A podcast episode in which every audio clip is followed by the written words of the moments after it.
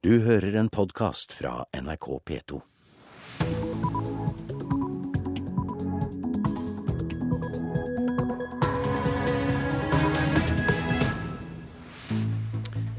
Riktig velkommen til eh, Nyhetsmorgen i dag, onsdag 27. juni. Nå klokka 6.30 så har vi disse hovedsakene.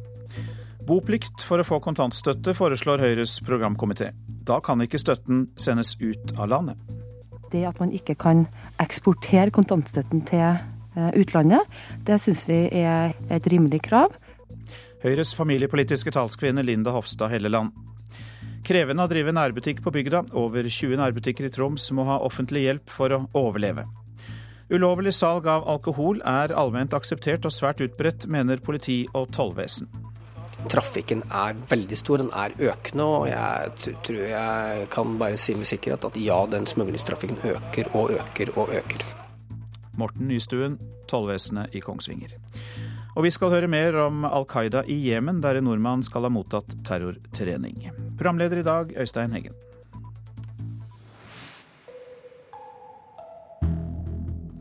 Det må være boplikt i Norge for å motta kontantstøtte. Det mener Høyres programkomité, som ønsker å gi kommunene ansvaret for støtten. Det vekker sinne blant de som sender kontantstøtten hjem til familiene sine utenfor Norges grenser. Vi er sint. Først og fremst er urettferdig. Han taler polakkenes sak, leder i Polsk forening i Trondheim, Kristoff Oljanski.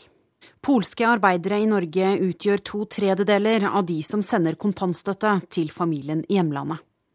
Får Høyres programkomité det som de vil, kan 900 familier i Polen vinke farvel til støtten. Det er et vilkår for å få kommunal kontantstøtte at uh, ungene er bosatt i kommunen, og at de ikke har plass i barnehage. Da har man rett på å motta kontantstøtten. Høyres familiepolitiske talskvinne Linda Hofstad Helleland vil gi ansvaret for kontantstøtten over fra staten til kommunen. Ved å kreve boplikt i kommunen vil det bli umulig for utenlandske arbeidere som jobber i Norge, å sende kontantstøtten hjem til familiene sine. Men Oljanski mener polske arbeidere som betaler skatt til Norge, også må ha krav på norske velferdsgoder. Urettferdig at man trenger en polsk eh, arbeidskraft, og polakker som jobber lovlig og betaler skatt, får ikke samme rettigheter. Det at man ikke kan eksportere kontantstøtten til eh, utlandet, det syns vi er helt eh, et rimelig krav. Man kan heller ikke ta med seg en barnehageplass ut av landet. Høyres familiepolitiske talskvinne Linda Hofstad Helleland, og reporter var Hanna Lunde. Nyheten om nordmannen som skal ha blitt trent opp som terrorist i Jemen, har preget norske medier denne uka. Ifølge nyhetsbyrået Ap har nordmannen tilknytning til Al Qaida. Og med oss nå, Raymond Lidahl, du er utenriksmedarbeider i NRK og har bodd og studert i Jemen i ett år. Og ja, hvem er Al Qaida i Jemen? Jo, Al Qaida i Jemen er litt annerledes enn den Al Qaida som jeg kjenner som Osama bin Laden leder. De har tilknytning til hverandre, men de er to forskjellige eh, organisasjoner, opererer uavhengig av hverandre. Hvilken stilling er det da Al Qaida har i, eh, i Jemen, den som er spesifikk for Jemen? Ja, De er sterke, det kan en si, men de er ingen folkelig eh, De har ingen brei oppslutning i, i de blant de jemenittiske folk. Og de er blitt sterkere etter den arabiske våren. I Jemen, alle de jemenittene som jeg eh, snakker med, så er det ingen som støtter Al Qaida blant den gjennomsnittlige jemenitt, hvis vi kan kalle det sånn. Fordi det er ikke Al Qaida har en ren ideologisk, en ren ideologisk strategi som ikke, til, som ikke er appellerende for den gjennomsnittlige jemenitt. Men selvsagt, de er sterke, og de er i stand til å lage de store overskriftene. Ja, Du nevnte jo det at eh, de har fått styrket sin posisjon etter den arabiske våren. og Den forbinder jo vi med demokratisk utvikling, så hva er årsaken til det? Jo, altså før den arabiske våren så var så hadde Jemen en svak sentralmakt. Men etter den arabiske våren så måtte de jo konsentrere seg om eh, demonstrasjoner både i hovedstaden og i sør, som gjorde at de mista litt taket. Men noen vil jo òg argumentere for at de gjorde på å gi Al Qaida et sånt spillerom for å kunne eh, spille det kaoskortet, for å kunne si se, terroristene er her, vi er nødt til å slå hardt ned på det. Og de har i veldig mange tilfeller òg blanda kortene. De har satt eh, Al Qaida og sørdemonstrantene og demonstrantene i hovedstaden sammen og sagt at alt dette er terrorisme. Det man eh, kan lure på er jo da hvordan eh, Al Qaida jobber. Hvordan, eh, hvordan driver de sin aktivitet i Jemen? Jo, de er, de er, opptatt av å slå til internasjonalt. Vi har de store overskriftene, som sagt, med trusebombere i USA og i det hele tatt. Men de er òg ikke redde for å slå til innenlands i Jemen.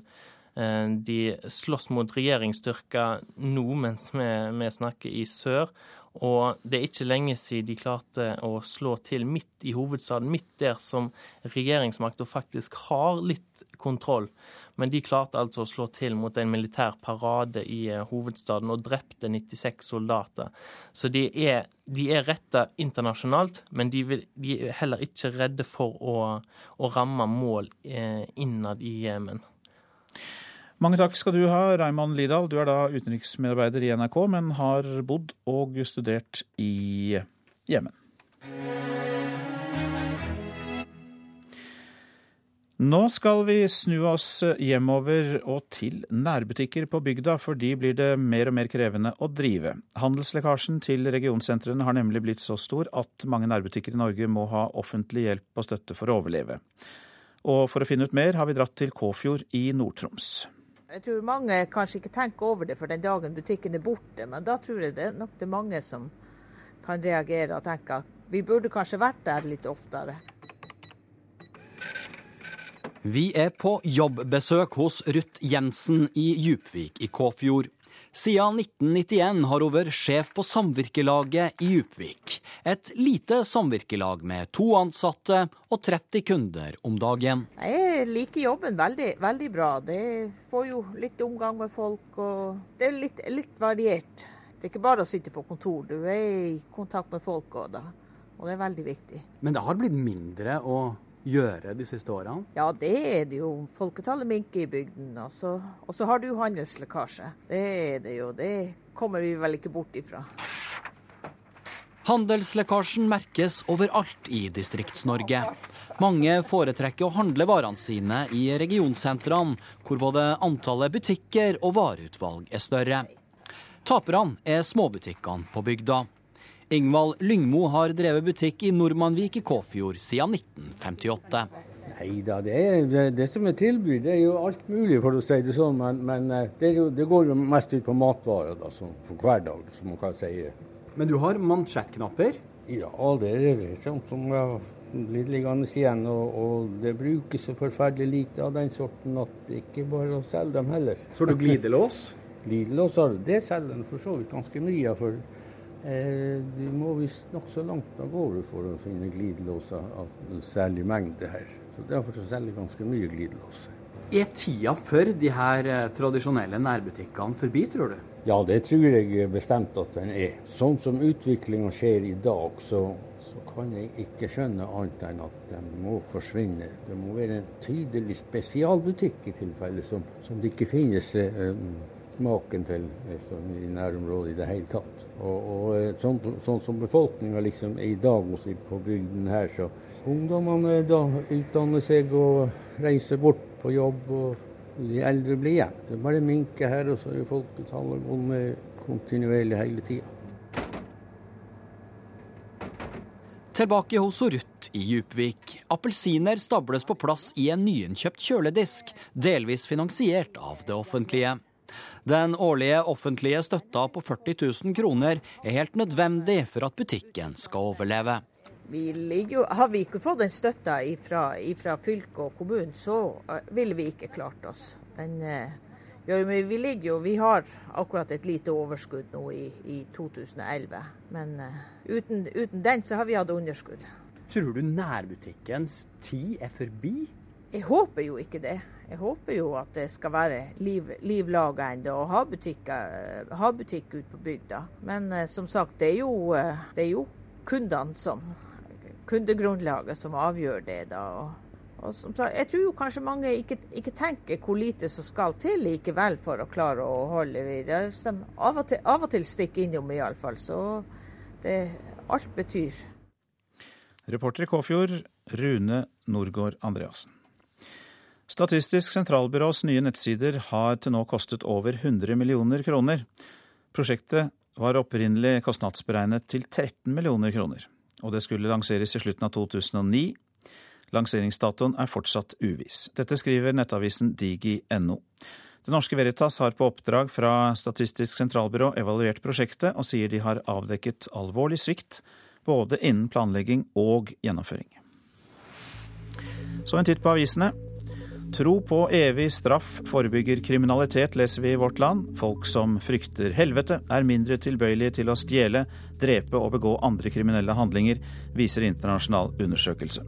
Så da kan vi legge til at helvetes betydning er kraftig undervurdert. Raser mot Mette-Marits guruflørt, skriver Dagbladet. Kronprinsessens fjelltur med en meditasjonsguru i Kashmir får Misjonssambandet og tidligere KrF-politiker Anita Abeltun Sele til å reagere. Boligsmell varsler flere eksperter, ifølge VG. Internasjonale forskere ser faresignaler og likhetstrekk med amerikansk boligboble, mens meningene er delte blant norske økonomer. Slik blir boligprisene, er oppslaget i Dagens Næringsliv. Der spår ekspertene prisvekst over hele landet fram til 2015, men det blir store regionale forskjeller. Lavest vekst i Agder og høyest i Oslo og Rogaland. Ni måneder gamle Thea Marie er på Aftenpostens forside. Hun må spare 1400 kroner i måneden fra nå av for å ha nok egenkapital til å kjøpe seg en toroms leilighet i 2037. Fortsatt kaos på høyresida er Klassekampens oppslag. Siv Jensen mener at Erna Solberg og Trine Skei Grande forsurer samarbeidet. Vi har fortsatt ikke svar på hvem som vil samarbeide med hvem, sier Frp-lederen. 1000 kan miste jobben, skriver Stavanger Aftenblad om Statoil. Der vurderer ledelsen å kutte 30% av de 4500 kontoransatte. Eksporten berger kraftselskapene, står det på Nasjonens forside. Mild vinter og rekordmye nedbør har sendt vannstanden opp og prisene ned. Var det ikke for eksporten, ville kraftselskapene gått med underskudd, sier analytikere. La olja ligge, det sier seks av ti nordmenn i en meningsmåling for Dagsavisen. Regjeringen åpner for leting på 72 nye steder i Barentshavet, men et flertall mener det beste er å ikke pumpe opp oljen nå. Veko er ekstremt lønnsom for Voss, skriver Bergens Tidende. Ekstremsport-VK er god butikk, gir Voss 50 millioner kroner i økt omsetning og høy reklameverdi for bygda. For tilfeldig og planløst spill, sier Rosenborgs kaptein Mikael Dorsin til Adresseavisen. Laget står uten seire etter fem seriekamper, og for første gang på lenge er ikke RBK, RBK favoritt når de i kveld møter erkerival Molde. Men det er en kamp til i kveld, og den interesserer kanskje noe fler på verdensbasis. Regjerende europamester Spania møter nabolandet Portugal i EM-semifinale. Spillerne lover intensitet og aggressivt spill i kampen om hvilket lag fra den iberiske halvøy som er best. Vi kjenner dem godt, og de kjenner oss godt, så det kommer ikke til å bli noen overraskelser, men kampen kommer til å bli intensiv, sier Spanias Javi Alonso for kveldens oppgjør mot nabo Portugal. Midtbanekollega Cesc Fabregas er trygg på at Spania er gode nok bakover. De har noen fantastiske vingspillere og spisser som kan gjøre mye skade, men vi er trygge på at forsvaret vårt er godt nok, sier Fabregas.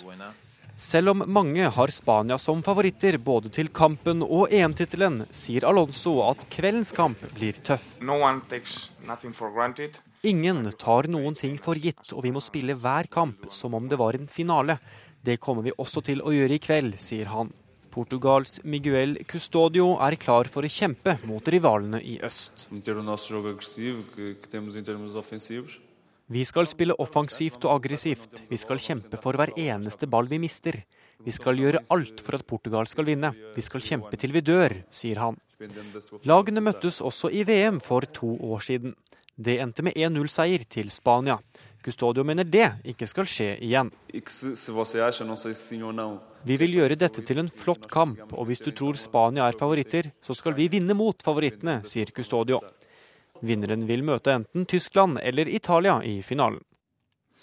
Og så er det da slik at den kampen kan du høre på P1 fra klokka 20.34, og du kan se den på NRK1. Der starter det klokka 20.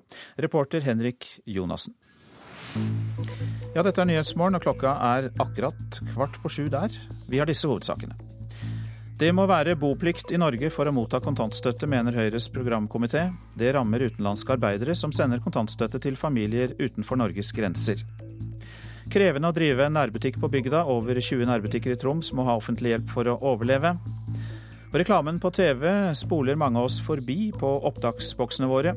Vi skal snart høre at det kan komme til å endre reklamen. Men nå til gauking, for det er et eh, gammelt uttrykk for ulovlig omsetning av rusdrikk, som vi vet. Men det er en virksomhet som lever i beste velgående fortsatt er svært utbredt og akseptert. Det sier politi og tollvesen, for de er bekymret og ber folk tenke seg om. Hei, hei. Det var fra tollene. Hva har du med til Norge i dag? Så langt i år har tollvesenet beslaglagt over 50 000 liter alkohol bare ved hedmarksgrensa. I fjor stoppet tollvesenet over hele landet smuglere med nesten 530 000 liter alkohol for mye i lasten. Og det er grunn til å tro at det likevel er store mengder som kommer inn til landet. Jeg blir nok litt flinkere med åra, vi òg, men, men, trafikken er veldig stor. Den er økende. Og jeg tror jeg kan bare si med sikkerhet at ja, den smuglingstrafikken øker og øker og øker. Det sier kontorsjef ved tollvesenet i Kongsvinger, Morten Nystuen. Det betyr trolig at det er et godt marked med mange som selger og mange som kjøper. For et par uker siden ble en mann i 50-årene pågrepet av politiet i Kongsvinger på vei inn i et bolighus med et brett med øl. Etter nærmere undersøkelser fant politiet store mengder alkohol i bilen, som trolig skulle selges på samme måte. Tre personer fra Ringsaker ble nylig siktet for noe lignende, og en av dem, en mann i 40-årene, skal ha hatt et eget utsalgssted for varene. Ja, De fleste oppfatter ikke dette eh, som kriminelt i hele tatt. Eh, de mener det å kjøpe øl eller vin for å unngå den dyre avgiften som er lagt på den type vare, ikke er noe spesielt kriminelt. men tenker ikke da på de som omsetter, at eh, det er store fortjenester på dette her. Og det blir ofte pløyd inn i ny kriminalitet som er langt alvorligere enn dette. Det sier Per Olaf Nordli, leder for operativ seksjon ved Kongsvinger politistasjon. Kundelista til smuglerne er lang. Det kan være restaurantnæringa, alkoholikere og folk flest som benytter muligheten for å kjøpe billig alkohol. Politiet mener at tilgangen på smuglervarer er omtrent like stor over hele landet. Om du bor på Vestlandet, Nord-Norge eller her på Østlandet, så tror jeg tilgangen er omtrent lik. For de som organiserer eh, den type eh, salg, eh, de kan levere stort sett over hele landet. Men det er grunn til å være på vakt, for det er ingen som kan garantere for kvaliteten på smuglervarene, mener tollvesenet. Vi, vi veit ikke alltid hvor dette her stammer fra. for å si Det slik. Det er ikke alt vi beslaglegger, alt vi beslaglegger som kommer fra, fra Vinmonopolet i Schaltenberg. Spesielt en del brennevinsflasker som ser veldig, veldig spesielle ut, som, som, vi nesten ikke klarer å lese hva det er for noen gang. Nystuen i tollvesenet mener at folk ikke må glemme metanolsaken fra begynnelsen av 2000, der mange døde av forgiftning pga. smuglersprit. Det er heller ingen garanti for hvem som får kjøpe smuglervarer, sier Nystuen. Det er altså ingen aldersgrense ved videresalg eller kjøp av smuglersprit, smuglerbrennevin. Dette der går helt fritt. Det er ikke noe kontroll på dette her, omsetningsbiten i Norge. Kontorsjef i tollvesenet i Kongsvinger, Morten Nystuen. Reporter Ann Kristin Moe. Flere og flere av oss spoler forbi reklamen på TV fordi vi har dekodere med opptaksmulighet. Dersom flere av oss gjør det, så kan det forandre både reklamen og TV-tilbudet. Så trykker man bare der, så kan man spille av når man vil. Da. Hos familien Stornes i Bergen er den personlige videoopptakeren PVR-boksen i flittig bruk. Veldig særlig når man ser på eh, TV3 og TV Norge og, som har så utrolig lange reklamepauser. 30% av alle husstander i Norge har en sånn opptaksfunksjon i sine dekoder, som gjør det mulig å stoppe og starte TV-programmene når det passer. Du kan jo gjerne begynne å se den, men så kan du jo gå og lage deg mat og være borte lenge. Så kommer du tilbake, og da kan du bare spole over alle reklamepausene. Det er klart at noen, og de kanskje litt mer innovative brukerne, de bruker det aktivt til å ta og skippe eller eh, slippe å se reklamen. Sier Harald Nygaard Berg ved Norges handelshøyskole. Han er i ferd med å avslutte en doktorgradsavhandling om medieøkonomi og PVR-bokser. En slags introduksjon for, eh, for doktorgraden. Selv om det foreløpig er få av oss som spoler over reklamen, kan denne bruken forandre vår TV-hverdag i framtiden. For det første fordi TV-selskapene kan tape reklameinntekter når vi spoler, og da kan det hende at reklamen blir presentert på en annen måte. Når, når du spoler, så vil du jo se noe. Og det, det kan jo gjøre at du begynner å utforme reklamene sånn at det blir større grad bruk av logoer, at logoene er på i en lengre periode, for å da eksponere de som bruker denne teknologien aktivt, og for noe reklame. Han tror også at vi vil se mer til produktplassering på TV. Og sponsorplakater før, eh, før en del programmer. De fungerer som et slags bokmerke hvis man spoler. Kan, de kan nok eh, bli dyrere å kjøpe, siden de allerede blir eksponert for deg når du ser på TV. Forskning viser at det er mest drama og underholdning som blir tatt opp på PVR-boksen. Sport, nyheter og realityserier er programmer som vi mennesker helst vil se på på samme tid som alle andre ser det. Derfor kan innholdet i TV-kanalene også bli endret. Gode gamle dramaserier og sånn vil vi kanskje se mindre av eh, i fremtiden. Programmer som gir større nytte når du ser de der og da, f.eks. fotballkamper eller uh, Idol-konkurranser, talentkonkurranser og spesielt programmer som krever at du er en aktiv TV-seer, det vil vi nok kanskje se mer av eh, i grunn av at der egner det seg dårligere å bruke denne opptaksfunksjonen. Hvis du ser Idol dagen etterpå, så vet du allerede hvem som har vunnet. For småbarnsfamilien Stornes gjør PVR-boksen det mulig å se TV-programmene de ellers ikke ville ha rukket. Mange ting begynner jo før vi har rukket å legge det, eller vi har kommet à jour med det vi skal gjøre før vi føler vi har lov å sette oss ned. Og da er det jo så deilig å vite at man bare kan trykt på den knappen. Muligheten til å ta opp kan være en av årsakene til at vi i Norge i dag ser mer på TV enn noensinne, og medvirkende til at de kommersielle TV-selskapene tjener penger som aldri før. Men de kunne nok ha tjent enda mer hvis ingen hoppet over reklamen, tror Harald Nygaard Berg. Eh, så det, denne teknologien kan jo da komme tilbake som en slags bumerang eh, på oss. Eh, der vi først får tak i en boks, vi slutter å se reklame, men at konsekvensen da blir høyere priser for å se på TV. Flere betalt-TV-selskaper kan bli en konsekvens. Men det vil tiden vise. Foreløpig ser de fleste av oss på TV slik vi alltid har gjort. Vi bruker lengre tid på å omstille oss til ny teknologi enn tiden du bruker for ny teknologi å komme inn i markedet. Harald Nygaard Berg ved Norges handelshøyskole til reporter Helena Rønning. Med Rihanna, rockerne i Kiss og Bjørn Eidsvåg får Kollen sommerfestival i Oslo eh, for første gang i år. Det skjer på Wirkola-scenen, oppkalt etter den legendariske skihopperen, og det blir et bredt og usammenhengende program, sier musikkjournalist.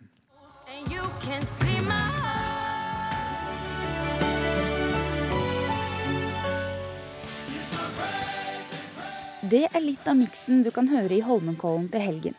Der bygges det nå scener til den store gullmedalje. Kan vi få låne to hjemme et øyeblikk, så vi kan få litt lyder av Pål Jacobsen i Air Productions er erfaren festivalarrangør, med døgnvill i Tromsø og Rått og Råde i Stavanger. Nå vil de innta Oslo og lover et bredt program med noe for alle. Vi ønsker å være en, bred kommersiell eh, festival med, med store bra navn innenfor pop og rock og, og hiphop eller urban. Når man ser på artistlisten vår, så skal man kunne kjenne igjen veldig mange artister der, og det tror jeg de aller fleste gjør. Det, det er kanskje tidenes uh, humre- og kanarifestival i Norge. Sier musikkjournalist i VG Thomas Talseth. Og da mener jeg tidenes fordi den har så store navn, da, som, som Kiss og, og Rihanna og Bjørn Eidsvåg selvfølgelig, og Turboneger selvfølgelig, og Billy Idol like selvfølgelig, og Alison Krauss like selvfølgelig. Eh, aldri har vel så store navn og artister eh, vært servert i en så underlig miks. Han syns likevel det er plass til Kollenfest i Oslo. Det var kanskje ikke et behov, men, eh, men det, det, er veldig ålreit hvis, hvis, vi har en festival som faktisk kan dra de virkelig store navnene sånn kommersielt sett. Eh, det, hvis de greier å etablere det, og at det blir liksom det som skjer i Holmenkollen hver sommer, så er jo det helt fantastisk. Så for all del. Det er musikkviter Audun Molde enig i. Han lurer på hva slags profil festivalen egentlig skal ha. Jeg spurte på Twitter i går om noen hadde noen meninger om profilen til Kollen. og Et av svarene jeg fikk var at eh, det ser ut som de har bare tatt det de tilfeldigvis fikk inn den helga. Og Sånn er jo internasjonal festivalbooking. Det er veldig avhengig av å avtale god tid på forhånd, at det passer inn i artistene sine turnéruter. Og Kollen satser jo veldig bredt. Eh, det har ingen tydelig profil. Det skal være noe for alle. Noe mer enn at profilen er bred, sier ikke arrangørene, men forsikrer at det er mange som har kjøpt billett. 20 000 om dagen i hvert fall. Og det har dere fått bekrefta på billettallene? Ja, vi har, vi, vi har, solgt veldig veldig bra. Er over 14 000-15 000 uh, solgte. Vi ser også at vi kommer til å nå 20 000, og det er vi veldig veldig glade for. Om festivalens profil er noe uklar, er festivalgjengerne som var tidlig ute for å hente seg billetter og armbånd tirsdag ettermiddag, helt klare over hvilken profil de gledet seg til å se. Til å se Rihanna. Eh, Rihanna. Og så skal jeg se på Rihanna.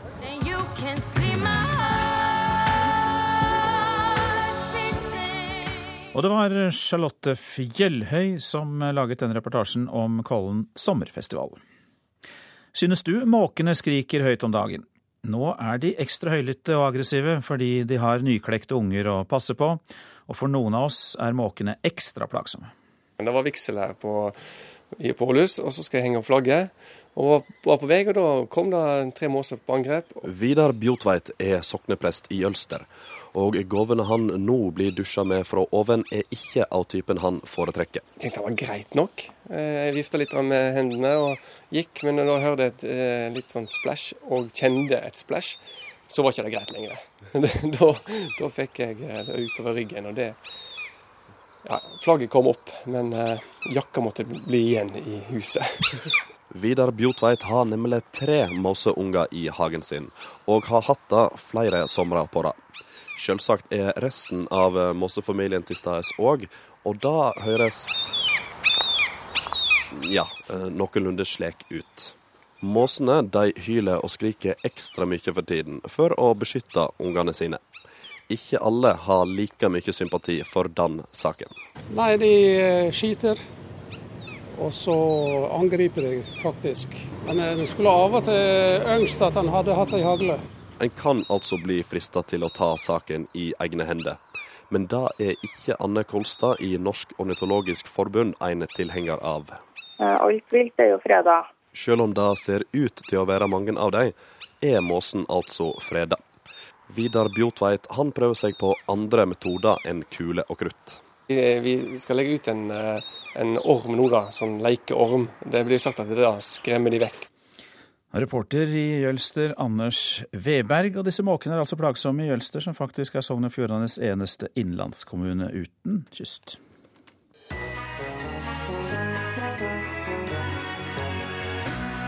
Hvilket krydder er hovedstaden i Oman? Og hvor gammel er egentlig euroen? Det er quiz i Radioselskapet alle hverdager i sommer. Send navnet ditt på SMS til 1987, kodeord 'Selskapet', så kan du bli med i Selskapslekene og vinne DAB-radio og kokkekniv. Selskapslekene klokken 11 i P2. Og så været. Fjellet i Sør-Norge til dels pent vær, men skyet og spredte regnbyger i nordvestlige områder. Østlandet og Telemark til dels pent vær, men stedvis skyet i morgentimene. Enkelte lokale ettermiddagsbyger i indre Telemark. Sørlandet delvis skyet, stort sett opphold. Fra ettermiddag til dels pent vær.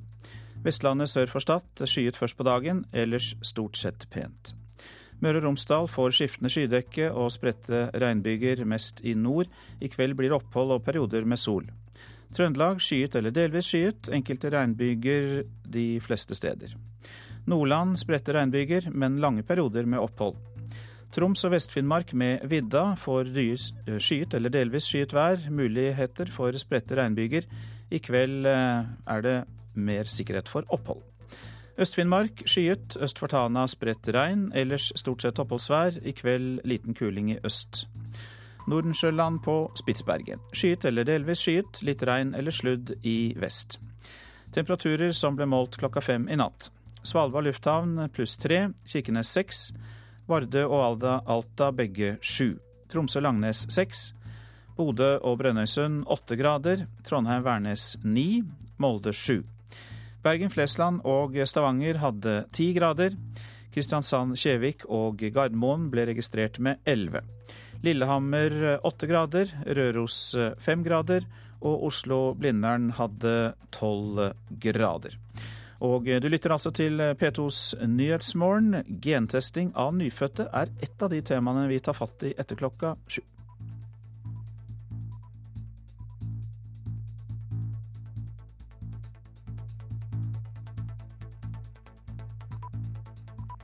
Du hører en podkast fra NRK P2.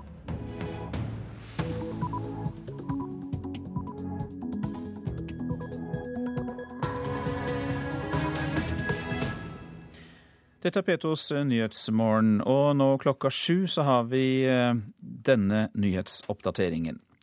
Bioteknologinemnda er urolig for at viktig helseinformasjon om norske barn kan misbrukes i forskning. Hvis man tar eh, og bevarer denne prøven og bruker de genetiske dataene, så kan en altså få langt mer informasjon både om dette barnet og om familieforhold som kanskje de ikke ønsket eh, verken å bidra til eller å få informasjon om. Leder i Bioteknologinemnda, Lars Ødegård. Folk som mottar kontantstøtte må bo i Norge, mener Høyres programkomité, som vil hindre at pengene sendes ut av landet.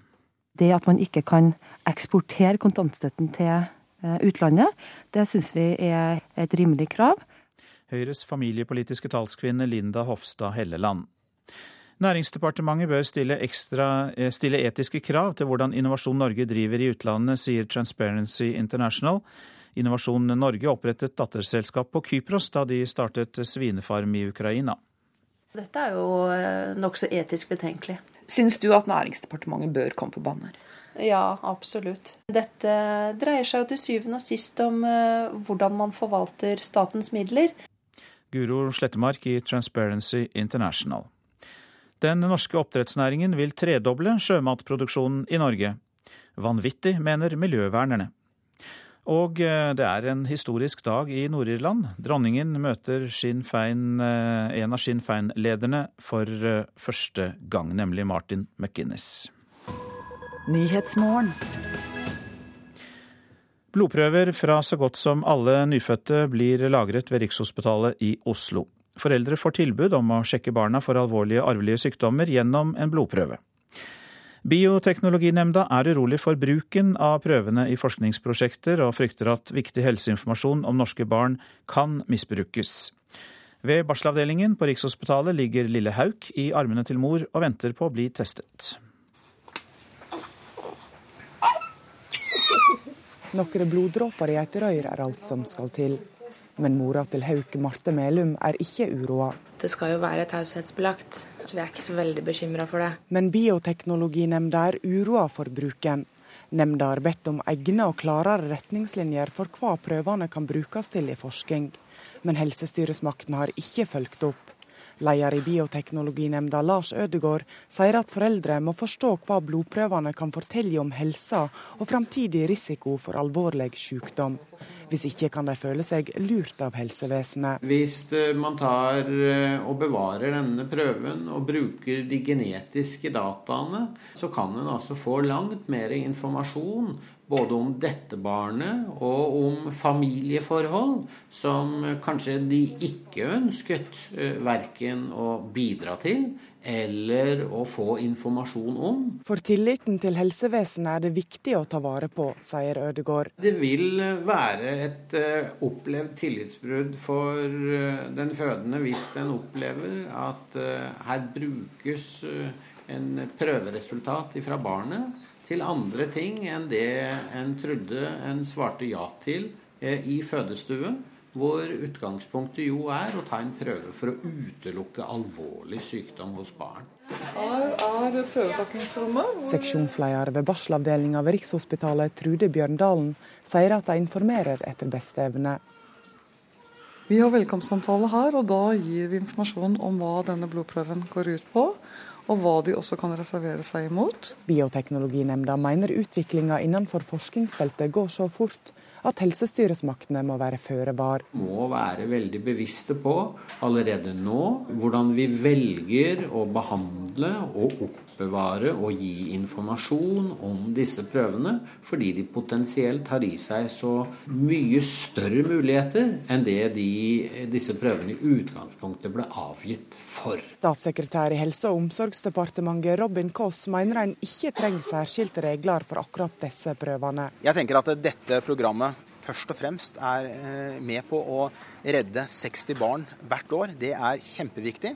Så er det selvfølgelig samme lovverk som regulerer denne type tester, som alle andre tester eh, som kan hjelpe å forhindre sykdom. Statssekretær Robin Koss, og det var eh, Tone Gullaksen som hadde laget denne reportasjen.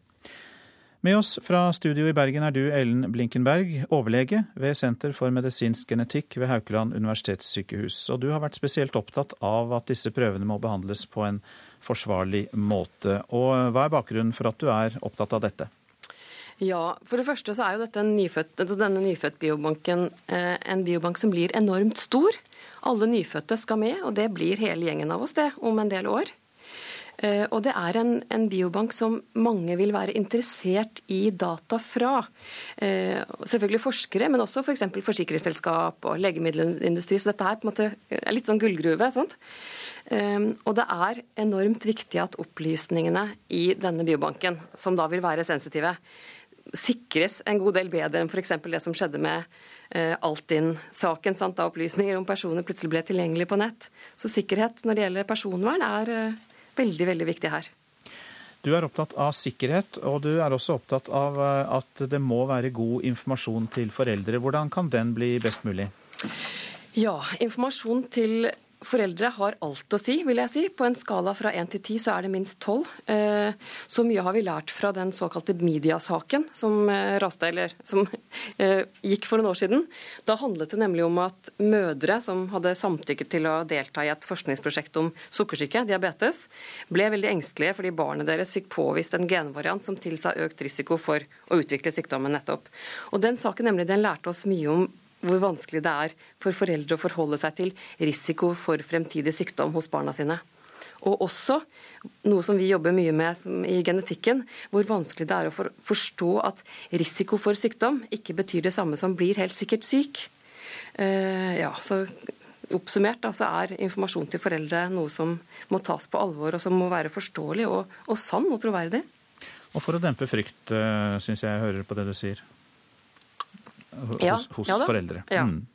Men du nevnte stikkord forsikringsselskap eh, her i stad. og eh, Hva kan det føre til eh, dersom disse opplysningene kommer uvedkommende i hende? Ja, Hvis dersom opplysninger fra f.eks. en genetisk kartlegging da, av nyfødtbarna kommer på, nyfødt blod kommer på avvei, så tør jeg nesten ikke å tenke på hva det kan føre til. Altså, det er på en måte litt sånn, Man kan lage scenario etter sin egen fantasi, og jeg har god fantasi. Men, men jeg vil kanskje ta to viktige ting. da. For det første, dersom man kartlegger alle genene til den nyfødte, så blir man sittende med masse informasjon om vedkommende. Og allerede her så er det store utfordringer som man må tenke gjennom før man begynner med det. Nemlig f.eks. skal denne informasjonen etter en genkartlegging føres tilbake til den nyfødte eller til foreldrene, og i så fall når? Og er det sikkert at barnet blir glad for informasjonen? Det er ikke alle som ønsker å vite om at de kanskje at de har litt høyere risiko enn naboen for å få hjerteinfarkt. Noen vil gjerne vite det, men andre ikke. Og det vet man ikke når man undersøker en nyfødt, for at vedkommende kan ikke si om han eller hun vil være med. Uh, og når det ja, Når det gjelder geninfo på avveier, så er det jo som jeg sa, det er liksom fantasien som setter grenser. Men det er sensitiv informasjon, og det er sikkert mange som f.eks. Ja, på skole hvis man skal søke om det, jobbsituasjon, forsikring. Det er mange som gjerne ønsker å titte deg i genene, for å si det sånn. Vi må eh, passe på genene våre. Helt til slutt, eh, Ellen Blinkenberg, kan man reservere seg mot eh, disse undersøkelsene? Ja, det kan man. Eh, men det bør nok være litt enklere enn det er nå. For nå er det litt sånn at foreldrene må være aktive for å reservere seg. Eh, og det som jeg, som jeg syns er veldig viktig, da, det er at når foreldre skal vurdere om nyfødtblodet skal kunne forskes på etter at denne undersøkelsen, denne screeningen på 23 alvorlige sykdommer, er ferdiggjort, eh, så så må de være klare i toppen. og Det er man ikke nødvendigvis rett etter at man har født. Eh, så jeg syns man skal gjøre dette her egentlig i to trinn. Først høre om foreldrene ønsker nyfødtscreeningen, og det tror jeg alle ønsker. Den, den, viktige undersøkelsen for å utelukke om barnet har av de, eh, en av de medfødte sykdommene som er sjeldne, men som, som, det ble snakket om av barnelegen her. Mm. Og så i neste omgang om foreldrene ønsker at blodet skal, skal lagres til forskningsformål. Og, og, så må foreldrene være litt pågående og få vite liksom, og spørre hva, akkurat hva slags undersøkelse skal brukes, og får vi beskjed. Foreldrene bør nok være litt på hugget i forhold til det. Takk for disse gode råd, Ellen Blinkenberg, som var med oss fra Bergen, overlege ved Senter for medisinsk genetikk ved Haukeland universitetssykehus. Nordmannen som er trent opp som terrorist av terrornettverket Al Qaida i Jemen, kobles til våpendømte Arfan Bhatti. Kilder som kjenner saken, skal ha opplyst at nordmannen i perioder skal ha oppholdt seg i miljøet rundt Bhatti. Arfan Bhatti har de siste åra framstått som en lederskikkelse i det radikale islamistmiljøet i Oslo ved flere høve. Etter det NRK kjenner til, skal mannen som har fått terrortrening av Al Qaida ha vært en del av miljøet rundt Bhatti. Bhatti sier til VG at han vet hvem mannen er, men nekter for at han er en del av vennekretsen hans. Mannen som har fått terrortrening skal ifølge avisa ikke ha blitt rekruttert av noe miljø i Oslo, men reist på egen hånd til den arabiske halvøy, der han oppsøkte konservative islamister. Ifølge utenlandske nyhetsbyrå er mannen ferdig med treninga hos Al Qaida. Han avventer nå ordre om å angripe et mål i Vesten. Etter det NRK kjenner til, er mannen i 30-åra norsk statsborger, og han har vært noe aktiv i diverse debattforum på internett. Han skal ha konvertert til islam i 2008. Politiets tryggingstjeneste eller andre deler av norske styresmakter vil ikke si noe om hvem mannen er, men etter det NRK erfarer, kjenner PST identiteten hans. Reporter Eirin Årdal. Misjonsorganisasjonene hyrer korrupsjonsjegere. Paraplyorganisasjonen for misjonsbistand, Digni, har hyret inn egne korrupsjonsjegere. Det melder Vårt Land i dag. Internasjonale undersøkelser viser nemlig at under 10% av korrupsjonen oppdages. Digni samarbeider med 19 organisasjoner og kirkesamfunn i 40 land. Innovasjon Norge bør ikke ha datterselskaper på steder som Kypros. Det mener leder i Transparency International, Guro Slettemark. Da Innovasjon Norge ble medeier i en svinefarm i Ukraina, så var de også med på å opprette et datterselskap på Kypros, etter ønske fra de ukrainske samarbeidspartnerne. Dette er jo eh, nokså etisk betenkelig. Syns du at Næringsdepartementet bør komme på banen her? Ja, absolutt. I går fortalte NRK om den norske stat som er medeiere i svinefarmer i Øst-Europa gjennom Innovasjon Norge. Svineprosjektet er blitt til et konsern og har i dag datterselskaper i Latvia, Ukraina og på Kypros. Kypros og Ukraina har gode eh, selskapsregler. Sier direktør for fondsforvaltning i Innovasjon Norge, Erik Velle Vatne. Vi har med ukrainske partnere på, i Ukraina, og vi ønsket ikke en type Telenor-konflikt i Ukraina med å krangle om eierskapet. Alle involverte var enige om at et datterselskap på Kypros var en god idé. Også Ove Henrik Mørk Ek, bonden som fikk med seg Innovasjon Norge på svineeventyret i Øst-Europa. Men det var ikke noe skattemotivert uh, inn i bildet i hele tatt. Mm. Så det var de ukrainske partnerne som ønsket å opprette det på Kypros? Eh, det var både oss og, og ukrainerne de advokatene og revisorene vi brukte på etableringstidspunktet, også anbefalte oss å legge det til eh, Kypros som et godt alternativ. Mm. Det er mange grunner til å opprette datterselskaper på steder som Kypros, sier Guro Slettemark i Transparency International. Men det et datterselskap på Kypros åpner for, er å spare skatt, skjule reelle eiere og skjule utbytter. Jeg syns at disse sakene egentlig reiser noen veldig fundamentale spørsmål som, eh, som burde engasjere eh, det politiske Norge i eh, mye større grad enn det det hittil har gjort. Næringsdepartementet skriver i en e-post til NRK at de har tilfredsstillende innsyn i datterselskapene som er i Svinefarm-konsernet. Politisk ledelse i departementet vil ikke uttale seg. Jeg syns at disse sakene egentlig reiser noen veldig fundamentale spørsmål som, eh, som burde engasjere eh, det politiske Norge i eh, mye større grad enn det det hittil har gjort. Hadde det vært en idé at Innovasjon Norge hadde flere etiske regler når det gjaldt type investeringer? Ja, altså dette er jo de, Man forvalter jo statlige midler her. Reportasjen var laget av Line Tomter. Den norske oppdrettsnæringen vil tredoble sjømatproduksjonen i Norge. Det er vanvittig, mener miljøvernerne. Men verden trenger mer sunn sjømat, og mer oppdrett kan gi flere arbeidsplasser i Distrikts-Norge, mener næringen selv. Det vil bli stor mangel på sjømat i den vestlige verden eh, når folketallet øker. Fiskeri- og havbruksnæringens landsforening mener matmangelen i verden kan minske med norsk oppdrettsfisk i fremtiden. Foreningen har regnet ut at det er realistisk å tredoble oppdrett av norsk sjømat innen 2025, om regjeringen vil det. Fred Wilsgård er nestleder i foreningens styre, og selv oppdretter. Fisken vi produserer i våre havbruksanlegg, den er jo et bidrag til en sunn mat. Og i sum så bidrar han eh, både til å mette munner, men han bidrar også til eh, Eh, at man får fokus på en, en riktig, eh, et riktig kosthold. Ja, Det er et helt vanvittig forslag. Leder Lars Haltbrekken i Naturvernforbundet er klar i sin tale. For det første så har ikke oppdrettsnæringa kontroll verken på rømminga eller på lakselusa. Problemet med fisk på rømmen og lus må bli bedre, og forskningen har kommet langt, mener Wilsgård. For tida så jobber vi veldig aktivt både for å redusere rømmingstall og for å ha en, eh, en kontroll på, eh, på, lusestatus. Og eh, vi ser det som en selvfølge i, i et perspektiv der vi ønsker å tredoble vår produksjon, at vi Eh, må innfri på disse områdene. Det er forutsetning for å kunne nå målet. Men så enkelt er det ikke, mener Haltbrekken, som mener Wilsgård bommer. Oppdrettsnæringa har mange ganger sagt at de skal få kontroll på situasjonen uten at de har klart det, og situasjonen har faktisk blitt eh, verre. Vi tror nok at du er nødt til å ha en reduksjon i hvert fall lakseoppdrettet for at du skal få kontroll på rømminga, og for at du skal få ned lusetallene. For eh, her er næringa kun ute etter å mele sin egen kake og ikke redde verden. Ja, det her er bare noe som gagner oppdrettsnæringa og verken eh, miljøet eller verdens fattige. reporter var Kent Amar Eriksen. Så en titt på det avisene skriver. Tro på evig straff forebygger kriminalitet, leser vi i Vårt Land. Folk som frykter helvete er mindre tilbøyelige til å stjele, drepe og begå andre kriminelle handlinger, viser internasjonal undersøkelse.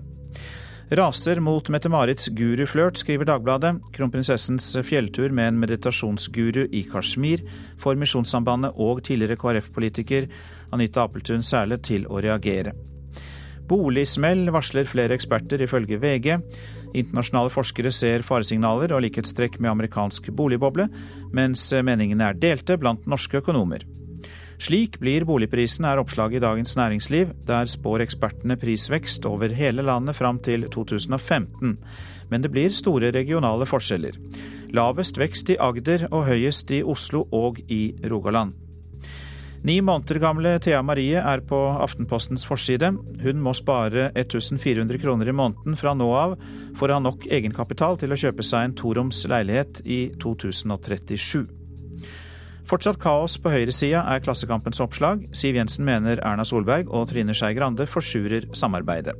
Vi har fortsatt ikke svar på hvem som vil samarbeide med hvem, sier Frp-lederen. 1000 kan miste jobben, skriver Stavanger Aftenblad om Statoil. Der vurderer ledelsen å kutte 30% av de 4500 kontoransatte. Eksporten berger kraftselskapene, står det på Nasjonens forside. Mild vinter og rekordmye nedbør har sendt vannstanden opp og prisene ned. Var det ikke for eksporten, ville kraftselskapene gått med underskudd, underskudd sier analytikere. Veko er ekstremt lønnsom for Voss, skriver Bergens Tidende. Ekstremsport-VK er god butikk og gir Voss 50 millioner kroner i økt omsetning og høy reklameverdi for bygda. Du lytter til Nyhetsmorgen, klokka har akkurat passert 7.18. Dette er hovedsakene. Bioteknologinemnda er urolig for at viktige helseinformasjon om norske barn kan misbrukes i forskning. Folk som mottar kontantstøtte må bo i Norge, mener Høyre, og vil hindre at pengene sendes ut av landet. Nordmannen, som er trent opp som terrorist av terrornettverket Al Qaida i Jemen, kobles til våpendømte Arfan Bhatti.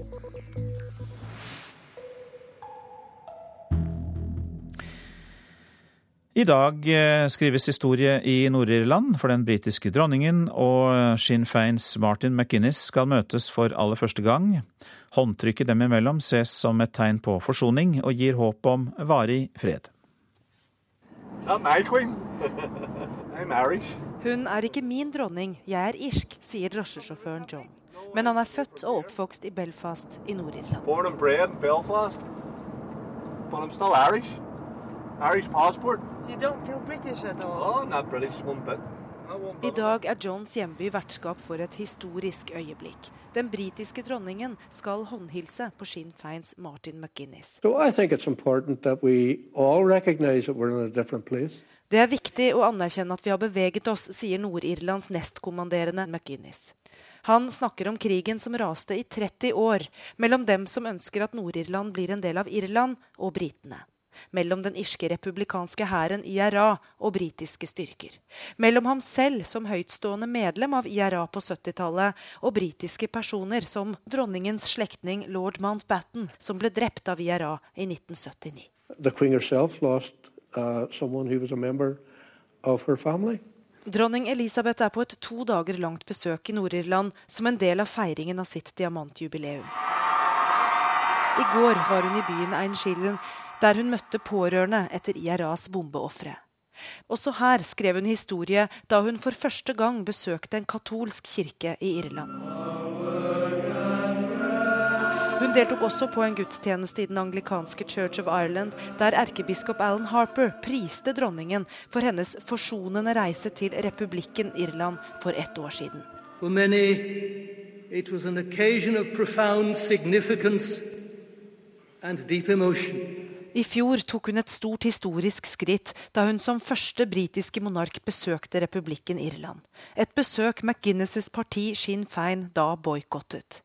Det gjør at dagens historiske skritt ikke bare er stort for dronning Elisabeth og britene, men også for Sinn Fein.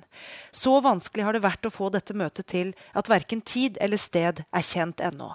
Og det er også usikkert om det blir anledning til å feste håndtrykket på film.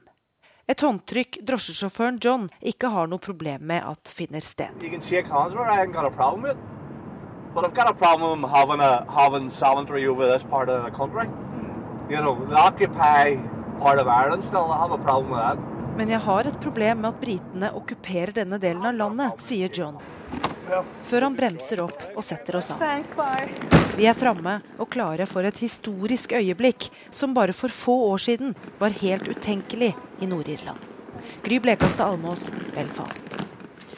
Så til deg, førstelektor ved Universitetet i Agder, Jan Erik Mustad. Du er med oss fra studio i Kristiansand, er det vel? God morgen til deg. God morgen, god morgen. Jeg er faktisk med fra Italia i dag. Nei og nei, du verden. Fra Italia på telefon. Ja. ja. Men jeg, er vant til at du er av og til med fra Agder. Men du, eh, hvorfor er dette møtet i Belfast så viktig? Vi må tenke at uh, dette er et møte som uh, betyr veldig mye for flertallet av befolkningen i Nord-Irland. Det betyr mye for unionen som Nord-Irland har vært en del av siden 1921. Og så vet vi da også at det er et nasjonalistisk eh, skråstrek katolsk mindretall som i utgangspunktet er imot at Nord-Irland er britisk, og at eh, ønsker skal bli gjenforent med Irland. Eh, så dette historiske besøket som ble omtalt i reportasjen i Irland i fjor, og dette besøket i år, har stor symbolsk verdi både for unionen, men også i forhold til dette med katolikker og protestanter i Nord-Irland. Drosjesjåføren vi hørte om her ville ikke kritisere dronningen og førsteministerens eh, håndtrykk, men eh, hvem er de som har problemer med det? Dette er de som ligger eh, på den radikale sida av eh, nasjonalistene, altså de som kalles republikanere. De som tidligere støtta den irske republikanske hær, de som har støtta Sinn Fein politisk. Men nå er det nok tatt en del kvantesprang i forhold til dette. Der er indre selvstyre i Nord-Irland, hvor de institusjonene er britisk styrte institusjoner fra London i utgangspunktet, selv om de har selvstyre. Så Det betyr at en del av disse republikanerne nå anerkjenner at flertallet bestemmer i Nord-Irland, og at det er del av unionen så lenge flertallet ønsker det. Men Martin McInnes vil jo fortsatt kalle seg en republikaner, altså Sinn Fein-politikeren Martin McInnes. Eh, så hva er, hva er, skjedd med ham? Nei, altså Han er jo blitt eh, skal vi si, mer stuerein og eh, har tatt en del skritt i retning av å akseptere politikkens vesen i forhold til at det er flertallet i valg og flertallet i en befolkning som til enhver tid bestemmer den konstitusjonelle tilknytningen. Så Martin McGinnis er innforstått med at disse institusjonene er britisk styrte institusjoner, selv om de har dette indre selvstyret, som sagt. Og Dermed så har også McGinnis innfyllelse med at det er situasjonen akkurat nå. Ja, dette indre selvstyret er jo basert på fredsavtalen fra 1998. Ytterpunktene i politikken samarbeider jo fra de mest britiskvennlige til republikansk side. Hvordan går det? Nei, det går litt opp og ned. Problemet i Nord-Irland er at denne selvstyreregjeringen, da, som består av representanter først og fremst fra Sinn Fein og Det demokratiske unionistpartiet Vi husker Jim Paisley, nå er han ute, og det er Peter Robinson som styrer dette partiet. Eh, hele det politiske prinsippet i, i, denne avtalen om provinsregjeringen er basert på konsensus. Det vil si at de er nødt til å være enige, begge partene, for at politiske vedtak skal kunne eh, vedtas og gjennomføres. Så Det betyr at det er en tungrodd og vanskelig parlamentarisk situasjon i Nord-Irland. Men det må det nesten være, fordi at de kan ikke se at den ene parten kan overstyre den andre parten. og Derfor så, så er det litt vanskelig. Men stort sett, det viktigste her er at disse politikerne samarbeider, og at institusjonene er intakt. Og at de har indre selvstyre. Det er viktigere enn at faktisk politikken kanskje endrer seg så dramatisk. Tungrodd og vanskelig, men likevel er det altså slik at det er et historisk møte i dag mellom dronning Elisabeth og sin Sinn Fein-politikeren Martin McInnes. Eh, mange takk til deg, Jan Erik Mustad, førstelektor ved Universitetet i Agder. Sørøst i Bangladesh har et jordskred tatt livet av over 50 mennesker. Jordskredet ble utløst av kraftig regnvær gjennom tre dager, som også har ført til springflo og ødelagt veier i landet. Hæren i Bangladesh er satt inn for å hjelpe til i nød- og redningsarbeid. Minst 120 mennesker er reddet fra en synkende båt ved Christmasøya. Båten var på vei til Australia med flyktninger. Det opplyser den australske kystvakten. Foreløpig er det usikkert hvor mange som er reddet opp av havet, og hvor mange som er savnet. Det er andre gang på under en uke at en båt med flyktninger havarerer på vei til Australia. To personer er drept etter et sammenstøt mellom lokal ungdom og væpnede islamister i det nordlige Mali. Uroen startet da en gruppe ungdommer samlet seg for å protestere mot at islamistene, som har tatt makten i området, angivelig har drept en lokal leder og tjenestemann. Diktaturet er på vei tilbake til Maldivene, advarer røystatens tidligere president. Mohammed Nasheed håper han kan samle nok støtte internasjonalt til å kreve nyvalg på Maldivene etter kuppet tidligere i år very sad situation where democracy is slipping. The gains that we've made Demokratiet glipper, sier Maldivenes avsatte leder Mohammed Nasheed. Han er den første demokratisk valgte presidenten i landet. Styrte fra 2008 til februar i år, og ble kjent verden over da han holdt et regjeringsmøte under vann for å understreke hva den globale oppvarmingen betyr for Maldivene. Now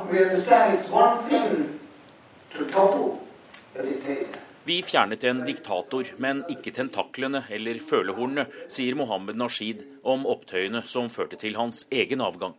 Han ser likheter med revolusjonene i Egypt, Libya og Tunisia. En sterk mann er fjernet, men ikke apparatet hans. I feel that what has happened in the Maldives would help us in trying to understand what might happen in Tunisia, Egypt, in Libya, in Syria and so on. På Maldivene fikk tidligere diktator Mamoun Abdul Gayoms tilhengere, militæret og politiet over på sin side. Jeg ble truet på livet og tvunget til å gå av, sier Nasheed. Dagens ledere, som først var i allianse med Nasheed før de snudde ryggen til, avviser at det var et kupp på Maldivene. Det var folkeprotester som gjorde at Nasheed gikk frivillig, heter det. Military, loyal to me, are coming up to me and talking about the. De i militæret som fortsatt er lojale mot meg, spør om vi ikke skal arrangere et motkupp. Jeg er imot vold, sier 45 år gamle Mohammed Nasheed. Han er også omtalt som Maldivenes Mandela.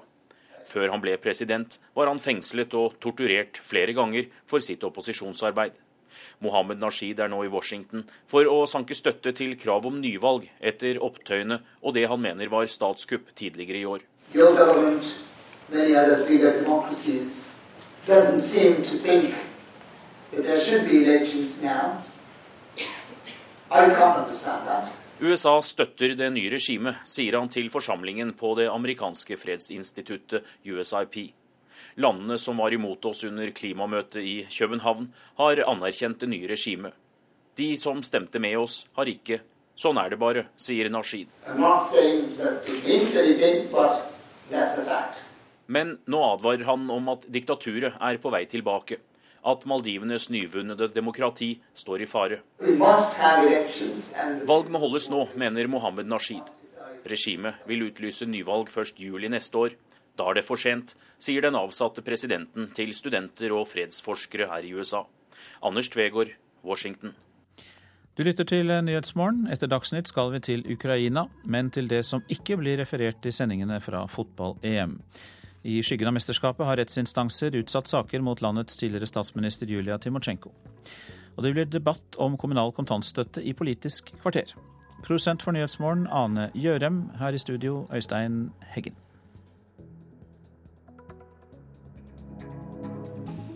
Du hører en podkast fra NRK P2. Hør ekko. Det var et yndig land. I dag sier den danske forfatteren Karsten Jensen at han hører ekkoet av Anders Behring Breivik og hans meningsfeller fra Folketingets talerstol og i danske TV-nyheter hver dag. Hvor stor makt har egentlig det høyrepopulistiske Dansk Folkeparti? En time ekko i hele sommer mellom klokka ni og ti i NRK P2. Våpendømte Arfan Bhatti bekrefter at han kjenner til en nordmann som har vært på Al Qaida-treningsleir i Jemen. Viktig helseinformasjon om barn kan bli misbrukt i forskning, frykter Bioteknologinemnda. Og de som får kontantstøtte, må bo i Norge, foreslår Høyre. Her er NRK Dagsnytt, klokka er 7.30. Nordmannen som er trent opp som terrorist av terrornettverket Al Qaida i Jemen, kobles til våpendømte Arfan Bhatti. Kilder som kjenner saken skal ha opplyst at nordmannen i perioder har oppholdt seg i miljøet rundt Bhatti. Arfan Bhatti har de siste åra framstått som en lederskikkelse i det radikale islamistmiljøet i Oslo ved flere høve. Etter det NRK kjenner til, skal mannen som har fått terrortrening av Al Qaida ha vært en del av miljøet rundt Bhatti. Bhatti sier til VG at han vet hvem mannen er, men nekter for at han er en del av vennekretsen hans.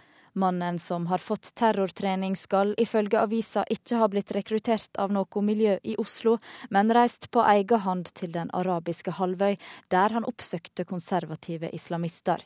Ifølge utenlandske nyhetsbyrå er mannen ferdig med treninga hos Al Qaida. Han avventer nå ordre om å angripe et mål i Vesten. Etter det NRK kjenner til, er mannen i 30-åra norsk statsborger, og han har vært noe aktiv i diverse debattforum på internett. Han skal ifølge VG ha konvertert til islam i 2008. Politiets tryggingstjeneste eller andre deler av norske styresmakter vil ikke si noe om hvem mannen er, men etter det NRK erfarer, kjenner PST identiteten hans. Og Arfan Bhatti har ikke svart på NRKs henvendelser i dag. Reporter var Eirin Årdal. Utenriksmedarbeider Raymond Lidahl, du har bodd og studert i Jemen i ett år. Hvor, hvor lett er det for noen å gjemme seg bort i Jemen? Ja, som hører i saken, norske myndigheter er jo klar over at han er der. Men når du først er der, så er det veldig lett å gjemme seg fra myndighetene der, både norske og jemenittiske myndigheter. Hvis noen velger å ta sine vinger over deg, som f.eks. Al Qaida kan gjøre, så vil det ikke være noe store problem for noen å bevege seg der umerka. Hvor stor kontroll har myndighetene på slike terroristleirer? Det er veldig dårlig kontroll. Hovedgrunnen er en veldig, veldig svak sentralmakt, som gjør at Al Qaida kan drive sånne leirer nesten litt som de vil. Vi har sett at eh, de har blitt infiltrert av etterretningsagenter fra Saudi-Arabia, senest nå for en måned siden. Men i all hovedsak så er det veldig lett å drive de leirene uten statlig innblanding eller. Takk til deg, utenriksmedarbeider Raymond Lidahl. Helseinformasjon om norske spedbarn kan bli misbrukt i forskning, det frykter Bioteknologinemnda. Blodprøver fra så godt som alle nyfødte blir lagret ved Rikshospitalet i Oslo. Foreldre får tilbud om å sjekke barna for alvorlige arvelige sykdommer gjennom blodprøver. Og ved barselavdelingen på Rikshospitalet venter nyfødte Hauk på å bli testet. Noen bloddråper i et røyr er alt som skal til. Men mora til Hauk Marte Melum er ikke uroa. Det skal jo være taushetsbelagt, så vi er ikke så veldig bekymra for det. Men Bioteknologinemnda er uroa for bruken. Nemnda har bedt om egne og klarere retningslinjer for hva prøvene kan brukes til i forskning, men helsestyresmakten har ikke fulgt opp. Leder i Bioteknologinemnda Lars Ødegård sier at foreldre må forstå hva blodprøvene kan fortelle om helsa og framtidig risiko for alvorlig sykdom. Hvis ikke kan de føle seg lurt av helsevesenet. Hvis eh, man tar eh, og bevarer denne prøven og bruker de genetiske dataene, så kan en altså få langt mer informasjon både om dette barnet og om familieforhold som kanskje de ikke ønsket eh, verken å bidra til eller å få informasjon om. Seksjonsleder ved barselavdelinga ved Rikshospitalet, Trude Bjørndalen, sier at de informerer etter beste evne. Vi har velkomstsamtale her, og da gir vi informasjon om hva denne blodprøven går ut på. Bioteknologinemnda mener utviklinga innenfor forskningsfeltet går så fort at helsestyresmaktene må være føre var. Må være veldig bevisste på allerede nå hvordan vi velger å behandle og oppbevare og gi informasjon om disse prøvene, fordi de potensielt har i seg så mye større muligheter. Reporter i saken Tone Gullaksen. I dag skrives historie i Nord-Irland. Den britiske dronningen og Sinn Feins Martin McGuinness skal møtes for aller første gang, og håndtrykket dem imellom ses på som et tegn på forsoning og gir håp om varig fred. So. Det er viktig å anerkjenne at vi har beveget oss, sier Nord-Irlands nestkommanderende Martin McGuinness. Han snakker om krigen som raste i 30 år mellom dem som ønsker at Nord-Irland blir en del av Irland, og britene mellom den irske republikanske hæren IRA og britiske styrker. Mellom ham selv som høytstående medlem av IRA på 70-tallet, og britiske personer som dronningens fetter, lord Mountbatten, som ble drept av IRA i 1979. The queen herself lost uh, someone who was a member of her family. Not my queen. I'm Irish. Hun er ikke min dronning, jeg er irsk, sier drosjesjåføren John. Men han er født og oppvokst i Belfast i Nord-Irland.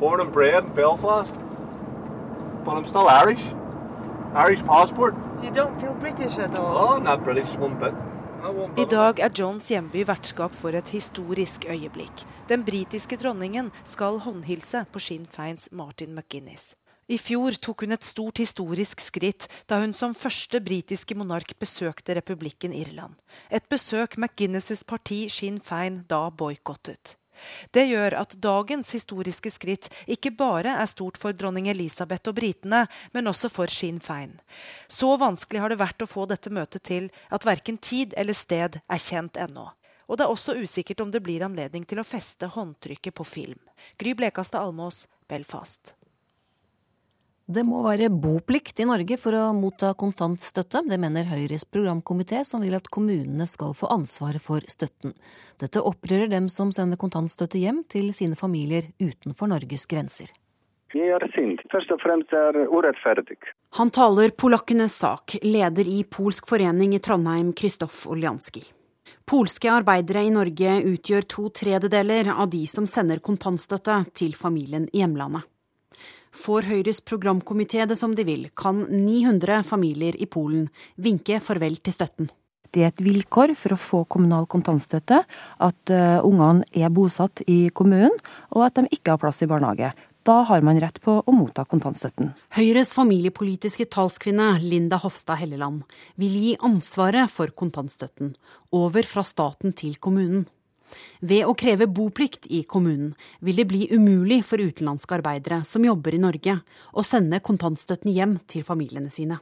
Men Oljanski mener polske arbeidere som betaler skatt til Norge, også må ha krav på norske velferdsgoder. Urettferdig at man trenger en polsk eh, arbeidskraft, og polakker som jobber lovlig og betaler skatt får ikke samme rettigheter. Det at man ikke kan eksportere kontantstøtten til utlandet. Det syns vi er helt eh, et rimelig krav. Eh, man kan heller ikke ta med seg en barnehageplass ut av landet. Reporter Hanna Lunde. Den norske oppdrettsnæringen vil tredoble sjømatproduksjonen i Norge i 2025. Oppdretterne mener at det kan hindre sult i verden og gi opptil 50 000 nye arbeidsplasser, men leder i Naturvernforbundet, Lars Haltbrekken, sier at lakseoppdrett ikke kan hindre sult, fordi det kreves store mengder villfisk til å mate oppdrettslaksen med. Fotball-EM nå. Regjerende europamester Spania møter nabolandet Portugal i kveldens semifinale, og spillerne lover høyt tempo og aggressivt spill. Vi kjenner dem godt, og de kjenner oss godt, så kampen kommer til å bli intensiv, sier Spanias Javi Alonso før kveldens oppgjør mot Portugal. Selv om mange har Spania som favoritter til både kampen og EM-tittelen, sier Alonso at naboduellen blir tøff. Ingen tar noen ting for gitt, og vi må spille hver kamp som om det var en finale. Det kommer vi også til å gjøre i kveld, sier han. Portugals Miguel Custodio er klar for å kjempe mot rivalene i øst. Vi skal spille offensivt og aggressivt. Vi skal kjempe for hver eneste ball og gjenvinne de vi mister. Vi skal gjøre alt for at Portugal skal vinne. Vi skal kjempe til vi dør, sier Custodio. Vinneren møter enten Tyskland eller Italia i finalen. Og du kan høre kampen i NRK P1 fra klokka 20.34 og se på NRK1 fra klokka 20, reporter Henrik Jonassen. Ansvarlig for denne sendingen det var Arild Svalbjørg. Teknisk ansvarlig Hanne Lunås. Her i studio Anne Skårseth.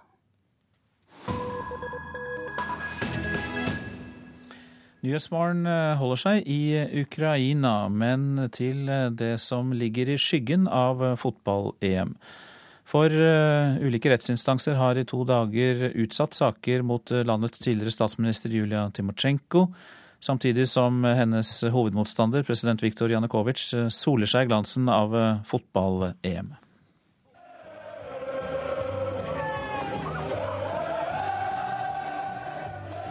Glade engelske fotballfans i sentrum av en solfylt ukrainsk hovedstad Kiev i helgen. Titusenvis, ja kanskje mer enn 100 000 fotballinteresserte fra hele Europa har de siste ukene besøkt Ukraina, der de har blitt godt mottatt. Skremselsbildet av et land fullt av rasisme og vold har med få unntak ikke vist seg å stemme. Uh, why? Because we're having a good time in Ukraine. Uh, the sun's shining. The beer is very cheap. The food is very cheap. Lots of lovely ladies around. Billig øl og vakre kvinner var altså inntrykket denne britiske fotballturisten satt igjen med. Selv om det altså ble tap for England i kvartfinalen mot Italia. Flotte arenaer og godt organiserte arrangementer både på og utenfor banen har gitt mange et langt mer positivt bilde av Ukraina enn det en del forhåndsomtale i pressen skulle tilsi. Mange trodde også at rettsprosessen rundt landets tidligere statsminister Julia Timosjenko skulle ta interessen bort fra fotballen, og spenningen var stor for hva som ville skje denne uken, da to saker rundt henne skulle opp i rettssalen. Som vanlig når det gjelder Julia Timosjenko, var det sterke følelser i sving da han rett i EM-byen Kharkiv på mandag skulle starte høringen av nye anklager mot Timosjenko. Denne gangen for skattesvindel i den perioden hun drev et gassfirma på 1990-tallet. Samtidig har ukrainske myndigheter, også president Viktor Janukovitsj selv, antydet at Julia Timosjenko kan bli stilt til ansvar for et høyprofilert drap på en forretningsmann i 1996. I går var det så Høyesterett i hovedstaden Kiev som behandlet en anke fra Julia Timosjenko for dommen hun nå sitter fengslet for. Sju år for i 2009 å ha gått utover sine fullmakter i forbindelse med en gassavtale med Russland. Men både denne saken og saken om de nye anklagene om skatteunndragelse ble utsatt til begynnelsen av juli, altså etter at fotball-EM er over. Formelt fordi Timosjenko selv ikke kunne være til stede i rettssalen fordi hun nå behandles for sin ryggskade.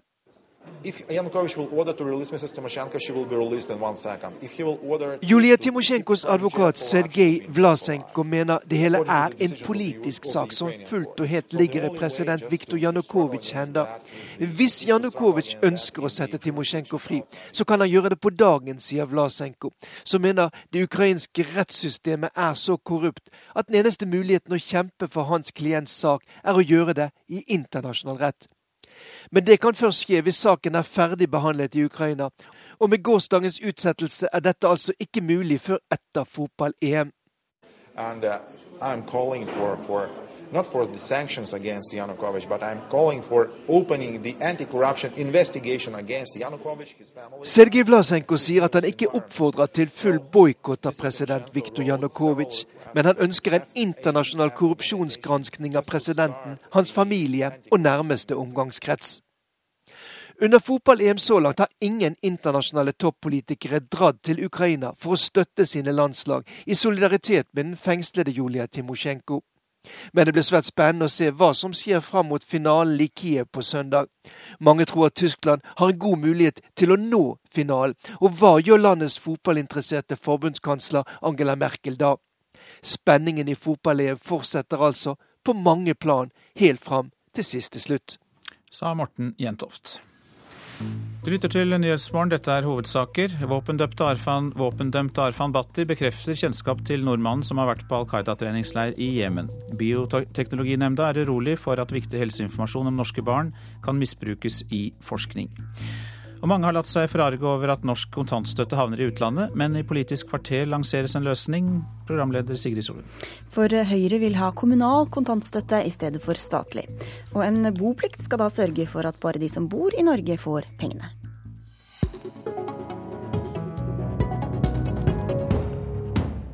Slik skal Norge slippe å betale ut penger til polske gjestearbeidere og andre som får kontantstøtte for barn de har i hjemlandet. Hvor viktig har akkurat dette poenget vært for forslaget deres om å overføre kontantstøtten fra stat til kommunene, Linda Hofstad Helleland fra Høyre? Det har ikke vært viktig, for at det gjelder så få. I dag er det omtrent 37 000 barn som får kontantstøtte, eh, og kun omtrent i overkant av 1000 av de eh, er i utlandet. Det som er viktig for det forslaget her, for Høyres del, er at vi, vi fortsatt skal sikre familiene eh, valgfrihet eh, og fleksibilitet. Og når kommunene overtok ansvaret for barnehagene eh, i fjor, så syns vi også det er eh, rimelig at de får hele ansvaret for omsorgstjenestene som småbarnsfamiliene kan eh, benytte seg av. Og Kontantstøtten er jo et alternativ til barnehagen, og derfor var det naturlig å komme et forslag fra programkomiteen om det nå. Så at uh, det ikke skal eksporteres kontantstøtte er bare et, en ønsket effekt da, av forslaget?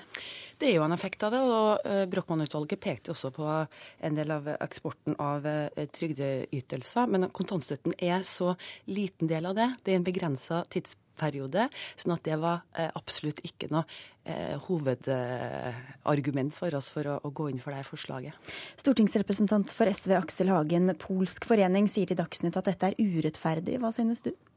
I utgangspunktet er jeg enig med dem, og jeg er dermed glad for at Høyre ikke legger så stor vekt på det.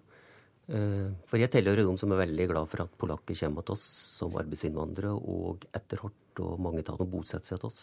Ja, hvorfor skal ikke polakker som betaler skatt også få nyte av velferdsgodene, Helleland? Det er jo interessant at SV mener det som også er mot EØS-avtalen i hele tatt. Men det er jo heller ikke sånn at man kan bo i utlandet og at staten skal finansiere en barnehageplass. Så, så, Høyre ønsker også å da tilby kontantstøtten på ut ifra samme modell som barnehagene. Tidligere var jo de statlige. Vi overførte kommunene, og da stilles det krav at barnet må bo i kommunen for at barnehageplass skal bli tilbudt. Det samme vil også da gjelde kontantstøtte. At barnet må bo i kommunen for å motta kontantstøtten. Og hvis kontantstøtte er så negativt som SV mener, er det vel bra at den ikke sågar eksporteres ut av landet?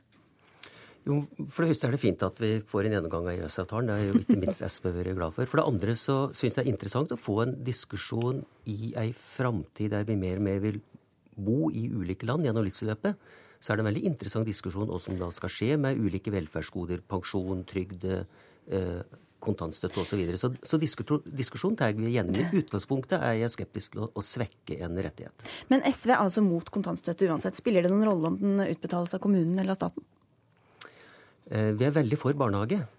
Eh, og det som, eh, som her eh, Og slik sett så er vi, er vi skeptiske til at Eh, vi skal flytte kommunal, eh, kontantstøtten ned til kommunalt nivå. For det som er situasjonen verdt fall i dag, nå vet jeg ikke akkurat hva som ligger i Høyres forslag, det er at det lønner seg for norske kommuner at eh, foreldre velger kontantstøtte framfor barnehage.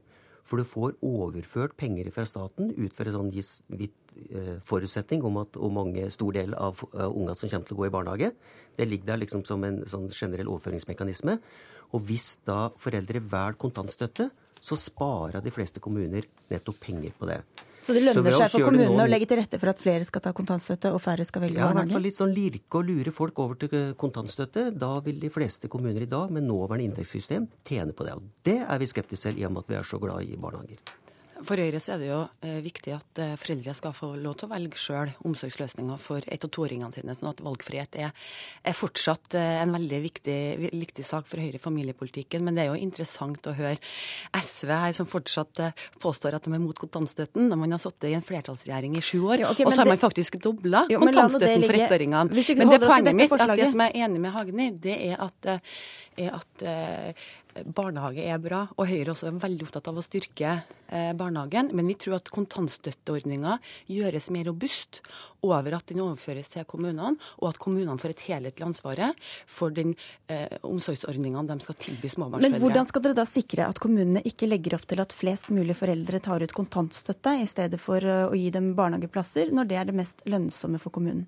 Det er jo foreldrene som skal ha lov til å avgjøre det i dag. på samme måte Det gjør de jo også i dag. Jo, men Hvor er insentivet for å bygge ut barnehageplasser eh, i stedet for å utbetale kontantstøtte da? Det vil jo være opp til den enkelte mor og far, som sjøl skal finne ut hvilken eh, omsorg de ønsker å gi ett- og toåringen sin. Ønsker de barnehage, så det er kjempefint. Men ønsker de også eh, å velge kontantstøtte, så skal de ha muligheten til det. Stoler du ikke på at kommunepolitikerne gir folk det de har krav på eller ønsker, Hagen? Nå er det heldigvis slik at uh, dette her er egentlig ikke en så viktig diskusjon, for de fleste foreldre velger barnehage, og stadig flere kommer til å velge eh, barnehage.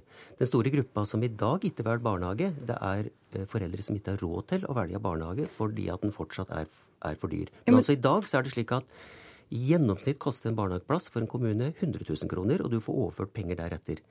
Mens kontantstøtte det er 50 000 kroner. Så det vil lønne seg for den enkelte kommune på et eller annet vis å få flere foreldre til å velge Men la meg spørre om en ting. Og det er veldig uheldig. Er det også er det økonomiske eh, spørsmålet er, er, det det som også er avgjørende for at regjeringa i løpet av sju år ikke har fjerna kontantstøtten? Dere har jo gått til valg på det. Det er vel er fordi, det fordi at Senterpartiet sitter i regjering, det er vel ikke ja, noe stor hemmelighet, eh, Linda Det er fordi at en barnehageplass koster så mye mer, og at det er 40 000 barn som mottar kontantstøtte, og det at regjeringa ikke greier å innfri da full barnehagedekning, er det det som jo, er avgjørende? Hvis, hvis, du svarer på det som jeg egentlig spurte om i stad, altså hvordan man skal sikre seg at kommunen ikke velger da å, å, prioritere det mest økonomisk gunstige, nemlig å gi foreldrene kontantstøtte innenfor det budsjettet de har, i stedet for å, å ruste opp eh, barnehagetilbudet. Det vil jo ikke være mulig for kommunene, for det her er jo foreldrene som nettopp skal få bestemme det sjøl. Det er derfor eh... Hvis ikke barnehagen allerede står der, eh, det er jo allerede mangel på barnehageplasser i dag. Forstår du? Altså I stedet for da å bygge nye barnehager, så kan de heller måtte si om ja, det, kan ikke, det kan ikke være opp til dem. Det er jo sånn i dag også, så Men har foreldre høyre... muligheten til å velge mellom kontantstøtte og barnehage. Og det er nettopp det systemet som eh, skal videreføres. Dette er det... interessant. Altså Høyre vil at flere skal velge kontantstøtte, og at færre unger skal gå, gå i barnehage. Og da, Det er jo en interessant diskusjon, og der Nei, er tydeligvis helt... Høyre og SV veldig uenige. Det er helt feil. Høyre er eh, veldig for å utvikle en bedre barnehage, og det er derfor vi satser også så mye på kvaliteten i barnehagen. så vi savner engasjementet fra, fra, SV. Det hjelper ikke bare å bygge ut barnehageplasser, vi må også nå satse på innholdet i barnehagehverdagen til alle små barn. Ja, ok, Helland eh, Høyre advarer ofte mot å uthule EØS-regelverket. Hvor grundig har dere undersøkt om dette er eh, juridisk greit innen det EØS-regelverket som er? Nå har jo kommunene i dag mulighet til å tilby eh, barnehageplass for eh, barn som bor i kommunen. Og det er ut ifra samme modell eh, som det, at eh, bor man i kommunen, så, så skal man ha, kunne ha tilbud om Men Har dere undersøkt med EØS om de syns at dette er greit? Vi ja, tror at det her uh, vil gå greit, fordi at når man overførte noen barnehagene over til uh, kommunene fra 1.1 i fjor, så satte man altså vilkår at barnet skal bo i kommunen for å bli tilbudt barnehageplass. og Det også vil samme skje med kontantstøtteordninga. OK, vi får se. Takk skal dere ha for at dere kom til Politisk kvarter. Linda Hofstad Helleland fra Høyre og Aksel Hagen fra SV.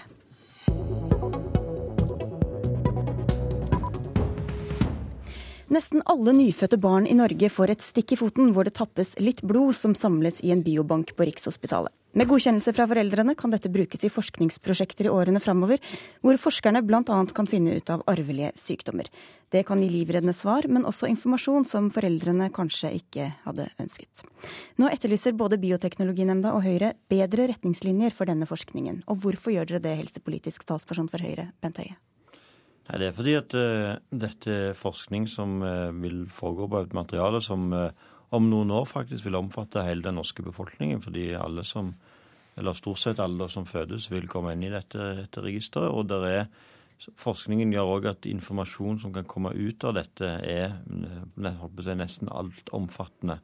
Uh, og derfor så, For å opprettholde tillit til at en faktisk som foreldre sier ja til den undersøkelsen og sier ja til at en får beholde dette materialet til forskning, for begge deler er viktig, eh, så må en òg ha en trygghet på at eh, materialet blir brukt på en forsvarlig måte. Men hva er det som mangler innen dagens regelverk, da?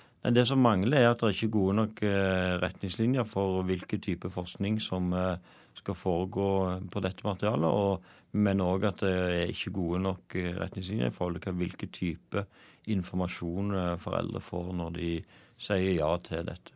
Statssekretær i Helse- og omsorgsdepartementet Robin Koss, hvor presise og tydelige er disse retningslinjene? Jeg mener at de er helt uh, klare, og jeg syns det er veldig trist at uh, Høyre uh, ved dette utspillet bidrar til å skape usikkerhet om det som er en veldig viktig test som vi har innført. Vi har utvida den eksisterende prøven, så at det er nå 60 barn hvert år hvor man kan oppdage svært alvorlige sykdommer. Eh, disse blodprøvene eh, brukes ikke til forskning, men de lagres i seks år for å sikre seg at eh, prøvene blir gjort på riktig vis. Hvis noen i fremtiden skulle ønske å gjøre forskning, så må man søke om det ut fra de lovene Stortinget har laget, og selvfølgelig vil foreldrene måtte få informasjon og eventuelt gi samtykke til dette. Det er vel allerede noen som har søkt om å få forske på, på dette materialet og fått nei? Ja, og det viser at det er veldig strenge regler knytta til dette. Vi har svært strenge regler knytta til forskning. Noen sier kanskje for eh, strenge regler. Men det aller viktigste er jo at dette er en test som ikke gjøres for forskning, men som gjøres for å avdekke alvorlig sykdom. Hvis noen vil gjøre forskning på denne blodprøven eller andre blodprøver, må de søke om det. Da er det strenge regler, og selvfølgelig må de de gjelder, gi samtykke til det. Men tror du Bent Høie, at de har også fått nei fordi det er uklarhet om dette regelverket? Ja, det er mye som tyder på det, at, eh, at en eh, usikkerhet gjør at en eh, sier nei for sikkerhets skyld. Eh, sånn at eh, det at en ikke har gode nok retningslinjer, kan òg føre til at en ikke faktisk Så, så du vil åpne, åpne, mer for forskning, dere da? Ja, som jeg mener at det er helt enig med oss at det er både positivt at prøven tas, eh, den kan gi viktig informasjon, og det er positivt at dette materialet òg kan brukes til forskning. Men det må være innenfor grenser. Men hva slags gjør... retningslinjer vil dere ha, da? Ja, altså, Vi kan ikke politisk sitte og lage utkast til de retningslinjene. Det må vi få fra de fagpersonene som jobber med den type spørsmål. Og det er òg retningslinjer som må kunne endres uh, underveis hvis den uh, på en måte ser at det skjer en, skjer en utvikling, men da etter en, etter en god Så du har ikke noe forslag nå til hvordan dette burde se ut? Vi har ikke noe forslag nå til hvordan dette burde se ut, men vi mener, og det er jo ikke Høyre som mener dette alene. Hadde dette vært noe Høyre frampå for å kritisere regjeringen, så hadde jeg vært enig med Kåss sitt Ja, det er Bioteknologinemnda som har etterlyst dette. Og vi har òg mm. hørt eh, fremtredende fagpersoner på dette området etterlyser den type retningslinjer. Robin Koss, eh, du henviser også til at foreldrene gir også samtykke. ikke sant? De sitter på barselavdelingen, og så har de akkurat fått et nyfødt barn og sier ja, ta, ta, denne testen for å finne ut om mitt barn er sykt, og eventuelt om det da kan brukes til forskning. Tror du da foreldrene forstår at kanskje noen år senere så kan de få beskjed om at barnet deres f.eks. har 10% risiko for å ha en arvelig farlig sykdom? Det som foreldrene eh, sier ja til, er jo å ta eh, prøven, bruke ny teknologi for å oppdage alvorlig sykdom. Hvis man senere finner ut at man skal gjøre en annen type eh, forskning, så vil eh, normalt foreldrene få en henvendelse om det, spørre om de ønsker å delta i den eh, eventuelle forskningen, og kunne si ja eller nei til det. Sånn er det med alle blodprøver. Alt som skjer i helsevesenet, så er det strenge regler for forskning, og de som deltar i forskningsprosjekter må selvfølgelig gi samtykke til det. I dette tilfellet så vil det da være eh, foreldrene som måtte gi det. Jeg tror heller problemet er motsatt, at det skjer altfor lite forskning knytta til barn. Det er mye mer komplisert å forske på sykdommer knytta til barn. Derfor er det for lite forskning. Men hvorfor heller... har dere da så strenge regler som du henviser til i stad, at ikke noen har fått forske på dette foreløpig? Det er jo nettopp fordi at vi ikke ønsker at det skal komme den type eh, usikkerhet. Vi ser jo i dag, selv med dagens strenge regelverk, så eh, kommer det ytringer som kan bidra til å skape usikkerhet. Vi vet at hvis eh, foreldre eh, pga. Frykt lar være å ta disse prøvene, vil barn med alvorlig sykdom ikke blir oppdaga. Det som vi ser nå, er at etter at vi har utvida prøven, så tar nesten alle foreldre denne blodprøven. Mange barn blir oppdaga, får en mye bedre behandling. Men, men, du sier dere skal ha et strengt regelverk, men vil ha mer forskning. Hvordan henger det sammen da? Ja, det, er, det, er, en balanse mellom hvor strengt regelverk vi har knytta til uh, forskning, og den sikkerheten uh, som vi ønsker at foreldrene skal Hvordan skal du løse det, både det strenge regelverket og mer forskning? Hittil så har vi valgt å prioritere at uh, foreldrene skal være 100% trygge på at de kan ta den prøven, og vi ser at det har vært en suksess. Men så er jeg enig med det som uh, Høyre sier. Må, det er litt mer konstruktivt. At uh, vi må jobbe sammen med fagmiljøene, se om vi kan bedre retningslinjer, så det blir lettere å gjøre forskning, men uten at det blir mer utrygghet for foreldrene. Hvor bevisst syns du det virker som regjeringen er på disse etiske dilemmaene, Bent Høie? Altså, vi mener jo at det er et generelt problem at regjeringen i altfor stor stor grad ikke går inn i disse spørsmålene når en eh, lager nye regler. Vi hadde nå sist eh, helseregisterloven. Den var akkurat det samme. Veldig mange av de etiske problemstillingene bare sa at dette skal en ta inn en forskrift.